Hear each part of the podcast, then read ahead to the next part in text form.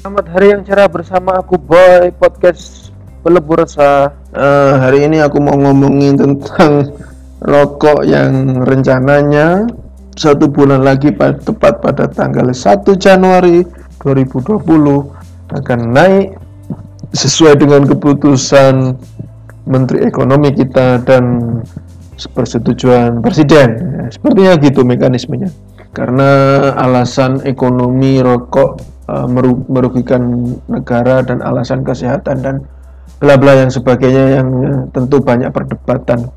Aku malas dengerinnya karena aku tahu pendapat-pendapat itu terlalu banyak kepentingan dan propaganda-propaganda eh, luar negeri dan kartel-kartel mafia-mafia ekonomi yang ah menyebalkan ngehek banget jadinya rokok mahal. Yang kasihan itu pengusaha rokok dan petani tembakau dan pengusaha tembakau. Bagaimana dengan pekerja-pekerjanya? Apakah tidak akan banyak PHK lagi?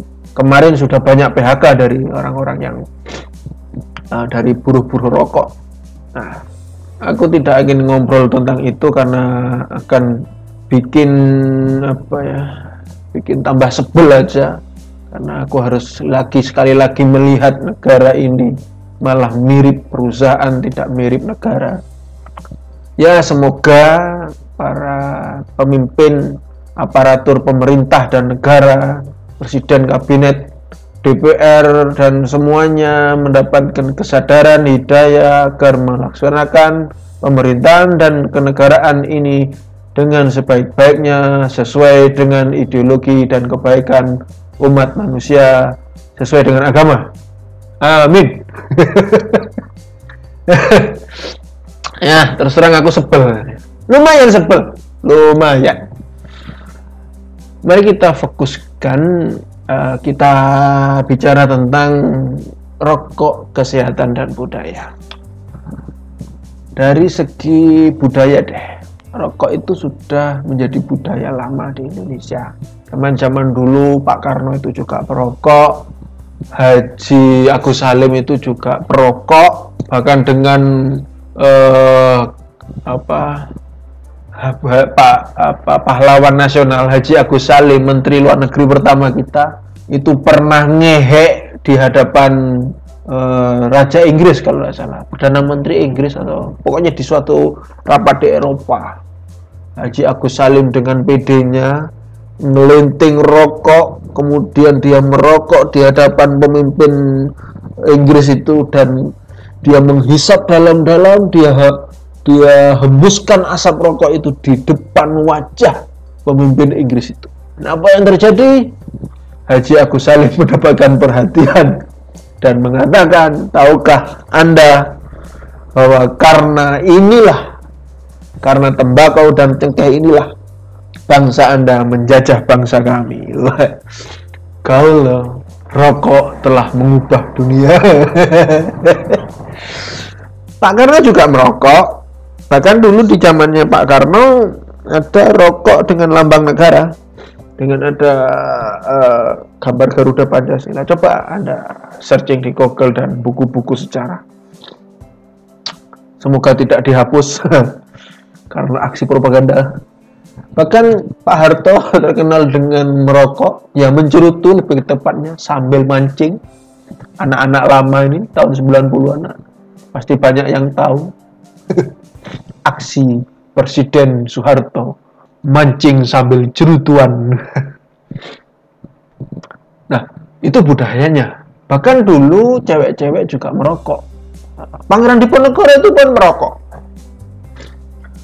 Eh, konsumsi tembakau tidak hanya rokok juga itu. Kalau di Jawa ada istilah nginang jadi yang nginang itu campuran apa ya?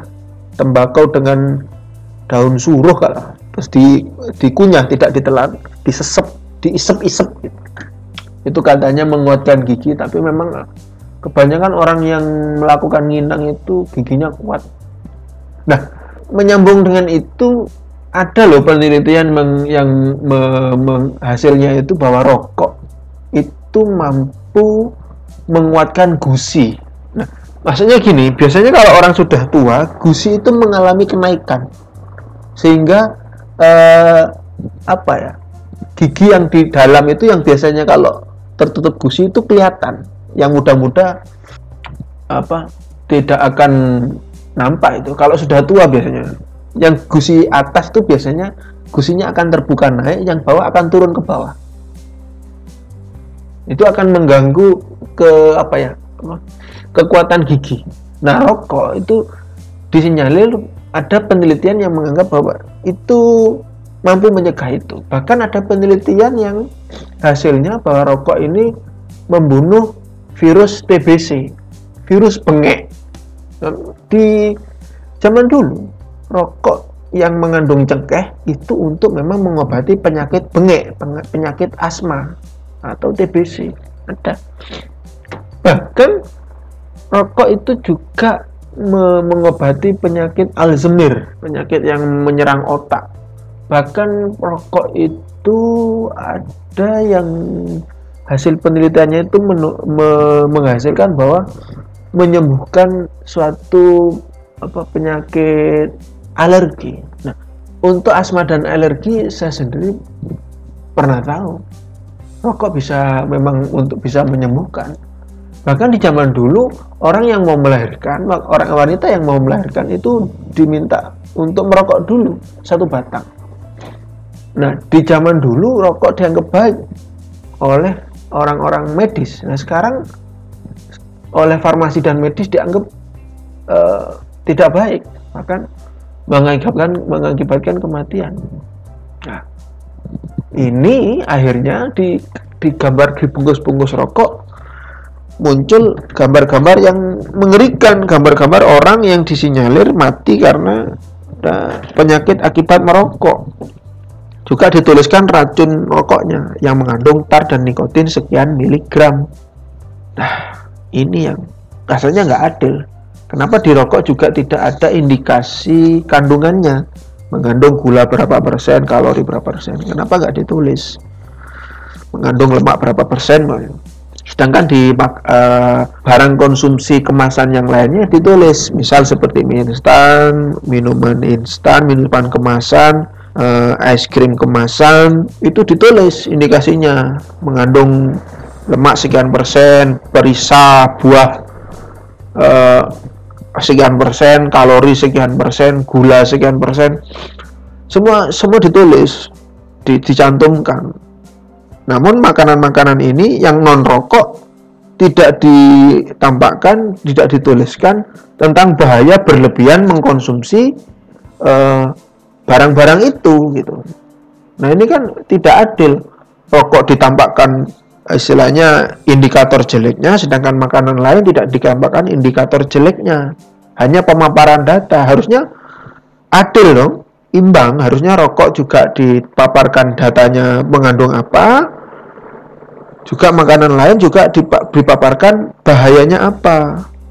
Ada memang ahli kesehatan yang mengatakan loh gula kalau kebanyakan baru bahaya. Kalau orang gula kurang gula bisa bodoh. Sama. Rokok juga tidak akan bisa membunuh dengan instan. Mana ada orang merokokan tahu-tahu oh mati ya kecuali anda menghisap dinamit menghisap bom ya, mati itu seperti film-film itu. Kalau orang merokok mana ada sih orang merokok langsung mati gitu yang ada asap yang paling berbahaya itu kan asap-asap pabrik dan asap kendaraan bermotor. Ada buktinya. Coba anda cari di di berita-berita di internet atau medsos atau berita orang dan lainnya. Ada orang mati uh, tidur di dalam mobil karena asap uh, mo mobilnya itu masuk ke dalam interior sehingga mati dalam keadaan menghirup karbon monoksida saat tertidur. Tapi tidak ada orang mati seketika eh, dengan asap rokok, bunuh diri dengan rokok tidak ada. Nah ada kasus itu orang bunuh diri dengan dengan asap mobil, tapi tidak ada bunuh diri dengan asap rokok. Aneh ya kalau orang bunuh diri ah bunuh diri ah sambil dengan asap rokok ya. Ya yang bilang ya boleh merokok tapi asapnya ditelan. Saya ada temen yang ngerokok itu asapnya ditelan bener-bener literally ditelan. Sampai seperti apa kalau pernah nonton film apa naga itu dia itu asapnya bener-bener ditelan dan kalau ngomong itu keluar asapnya sedikit-sedikit gitu ya itu bisa bilang dong Anda boleh menghidupkan mobil tapi asap knalpotnya tidak boleh keluar. Ya sekarang ada mobil uh, tenaga surya. Ya tapi mana gitu loh. Ada mobil tenaga listrik. Ya tapi mana gitu.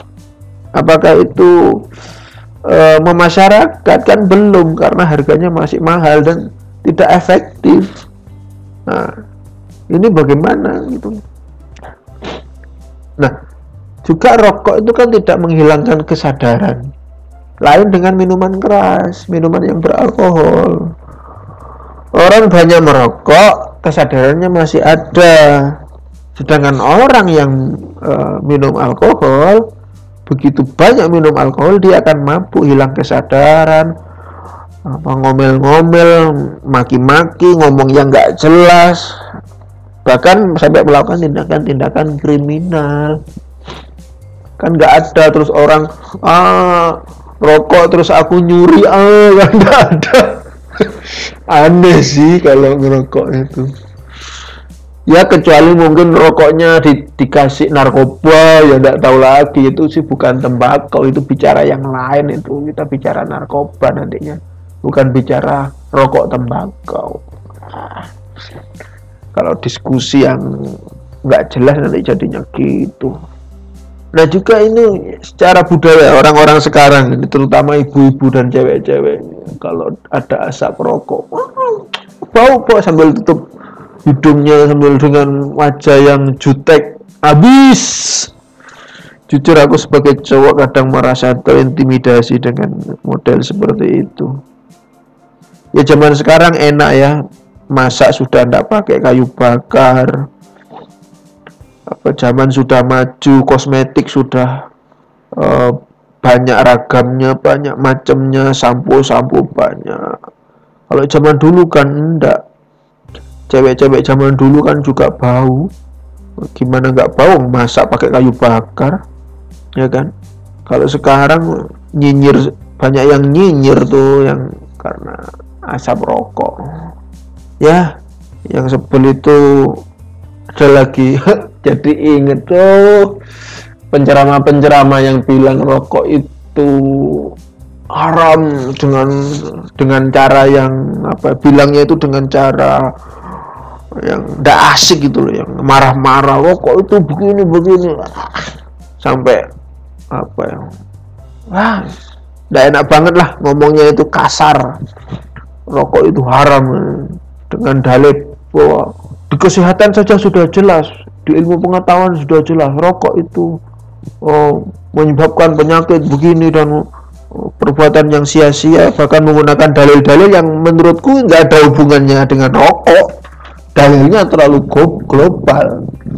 Tidak mengakar tidak menjurus gitu.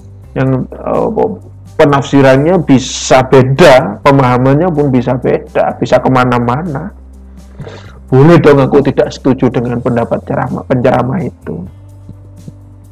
Karena begini kalau dasarnya itu pengetahuan pengetahuan itu kan eh, akan berkembang sesuai dengan ilmunya dengan teknologi.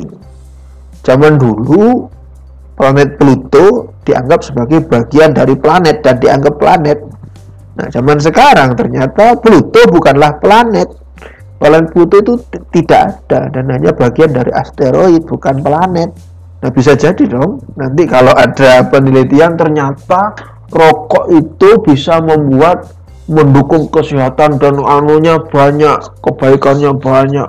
Bisa untuk menyembuhkan penyakit yang lebih banyak lebih lebih bagus apa kebaikannya lebih banyak. Nanti akan apa rokok itu wajib atau halal nanti kan? Apa ini ya menur menurutku terlalu prematur lah hukum bahwa rokok itu haram. Perlu pengkajian ulang. Toh peneliti itu tidak hanya satu, kan banyak. Kenapa tidak melakukan penelitian ulang yang lebih mendalam lagi?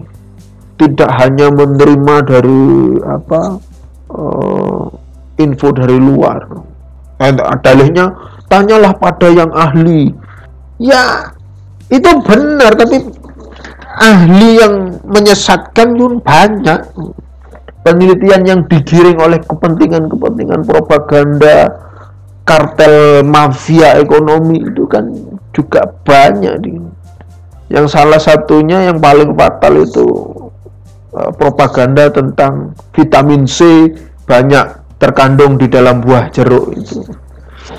Itu kan kebohongan yang sampai sekarang dianggap benar berapa banyak dari kita yang menganggap jeruk itu banyak mengandung vitamin C saya yakin itu teman-teman banyak yang menganggap ah makan jeruk kenapa agar ada vitamin C padahal jeruk itu banyak mengandung asam kalau nggak percaya coba deh uh, ke laborat anda melakukan percobaan. Kalau nggak bisa melakukan percobaan, Anda minta tolong ke ahli kimia. Anda pantengin tuh, Anda tunggu tuh penelitiannya. Jeruk itu mengandung banyak mengandung asam atau banyak mengandung uh, vitamin C. Berapa persen?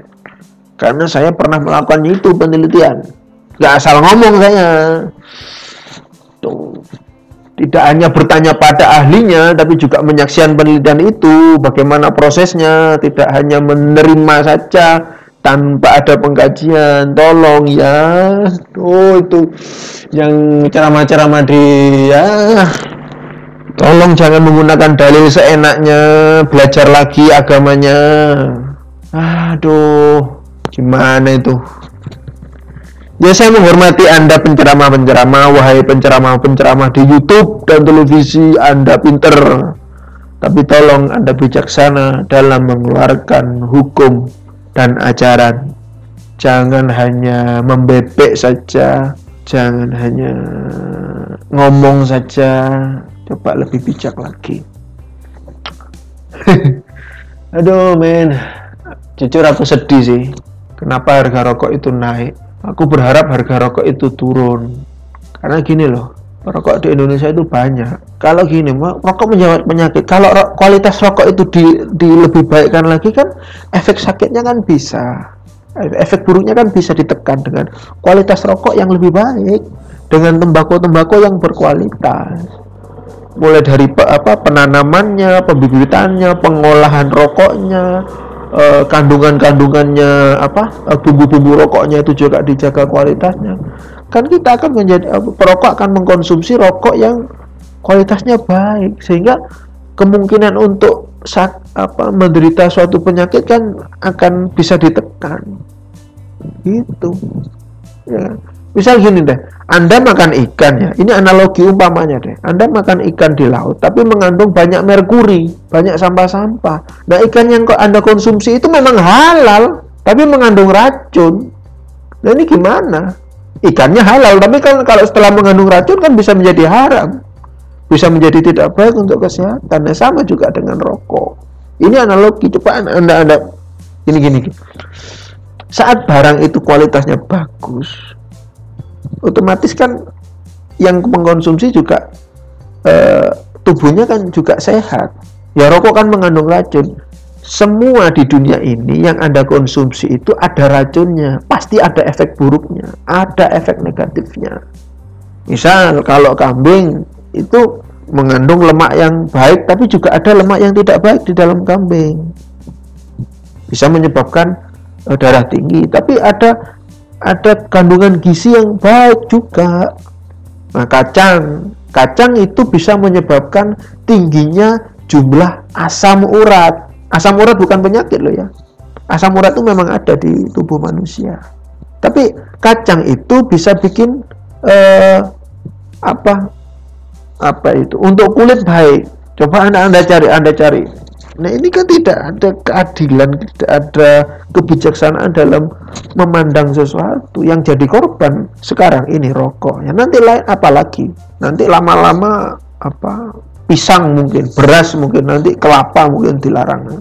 tolonglah yang bijak ya hormati orang yang merokok karena apa ya merokok tidak sejelek itu tapi juga bagi para perokok tolong jangan intimidasi orang-orang yang tidak merokok tuh kan ini sekarang ya, jadinya apa ya lucu aja sih.